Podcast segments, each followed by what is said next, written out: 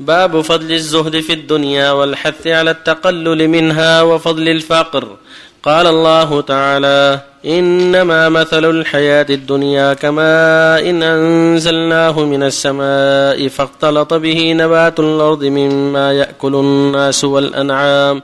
حتى إذا أخذت الأرض زخرفها وزينت وظن أهلها أنهم قادرون عليها. أتاها أمرنا ليلا أو نهارا فجعلناها حصيدا كأن لم تغن بالأمس. كذلك نفصل الآيات لقوم يتفكرون. وقال تعالى واضرب لهم مثل الحياة الدنيا كماء إن أنزلناه من السماء فاختلط به نبات الأرض فأصبح هشيما. تذروه الرياح وكان الله على كل شيء مقتدرا. المال والبنون زينة الحياة الدنيا والباقيات الصالحات خير عند ربك ثوابا وخير نملا وقال تعالى اعلموا أنما الحياة الدنيا لعب ولهو وزينة وتفاخر بينكم وتكاثر في الأموال والأولاد. كمثل غيث أعجب الكفار نباته ثم يهيج فتراه مصفرا ثم يكون حطاما وفي الآخرة عذاب شديد ومغفرة من الله ورضوان. وما الحياة الدنيا إلا متاع الغرور. وقال تعالى زين للناس حب الشهوات من النساء والبنين والقناطير المقنطرة من الذهب والفضة والخيل المسومة والأنعام والحرث. ذلك متاع الحياة الدنيا والله عنده حسن المآب. وقال تعالى يا أيها الناس إن وعد الله حق فلا تغرنكم الحياة الدنيا ولا يغرنكم بالله الغرور. وقال تعالى ألهاكم التكاثر حتى زرتم المقابر. كلا سوف تعلمون ثم كلا سوف تعلمون. كلا لو تعلمون علم اليقين.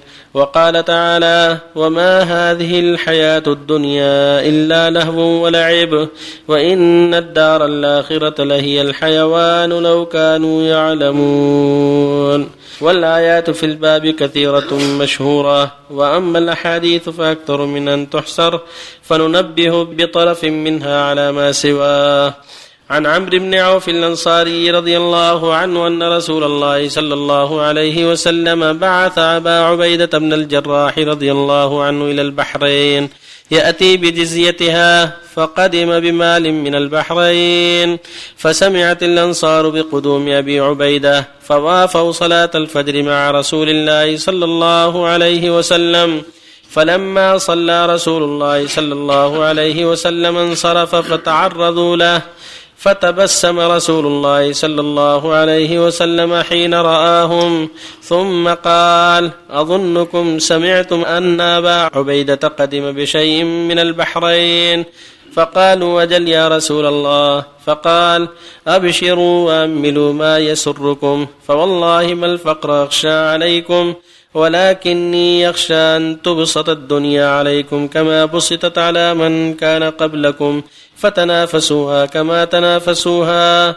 فتهلككم كما أهلكتهم. متفق عليه. وعن ابي سعيد الخدري رضي الله عنه قال جلس رسول الله صلى الله عليه وسلم على المنبر وجلسنا حوله. فقال ان مما اخاف عليكم من بعد ما يفتح عليكم من زهره الدنيا وزينتها. متفق عليه. وعنه رضي الله عنه أن رسول الله صلى الله عليه وسلم قال إن الدنيا حلوة خضرة وإن الله تعالى مستخلفكم فيها فينظر كيف تعملون فاتقوا الدنيا واتقوا النساء رواه مسلم التوفيق بسم الله الرحمن الرحيم الحمد لله وصلى الله وسلم على رسول الله وعلى آله وأصحابه ومن اهتدى بهدى أما بعد هذه الآيات الكريمات والأحاديث كلها تدل على فضل الزهد في الدنيا والرغبة في الآخرة والحذر من الشغل بالدنيا وشهواتها العاجلة. فالواجب على المؤمن أن يعد العدة لآخرته وأن يحذر شر الدنيا وفتنتها فإنها فتنة. وما الحياة الدنيا إلا متاع الغرور. إنما أموالكم وأولادكم فتنة. الواجب الحذر كما قال جل وعلا إنما مثل الحياة الدنيا زينتها كمثل ما أنزلناه من الأرض فالدنيا فيها الخطر العظيم. والله ضرب لها الأمثال الدالة على زوالها فالواجب على المؤمن أن يحذر إيثارها على الآخرة وأن يستعد للقاء الله بما يسر الله له من الدنيا. ولا بأس أن يطلب الرزق ولا بأس أن يتجر اليد العليا خير من اليد السفلى ولكن يحذر أن تشغله عن الآخرة وأن يلهو بها عن الآخرة. أما إذا عانته على الآخرة فاتجر وطلب الرزق وتصدق وأحسن وعمر المشاريع الخيرية ونحو هذا هذه يد العليا. فإن الغني الشاكر أفضل من الفقير الصابر. الغني الشاكر ينفع الله به الأمة. قد اختلف الناس أيهما أفضل الغني الشاكر أو الفقير الصابر.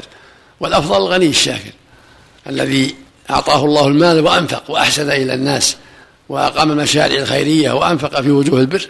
فالرسول خاف عليهم الدنيا وبين لهم حالها. والله بين لهم في كتاب العظيم حالها وأنها خطر وأنها كما ضرب الله لها المثل بالأرض التي تزخرفت في الدنيا والخضرة ثم جاءت الريح والعاصف فذهبت وانتهت. هذه الدنيا هكذا. اعلموا أن لعب وله وزينة وتفاخر بينكم وتكاثر في الأموال والأولاد. كمثل غيث أعجب كفار نباته ثم يهيج فتراه مصرا ثم يكون حطاما. هذه حالها. بينما هو في نعيم ودنيا وخير عظيم جاءه الأجل.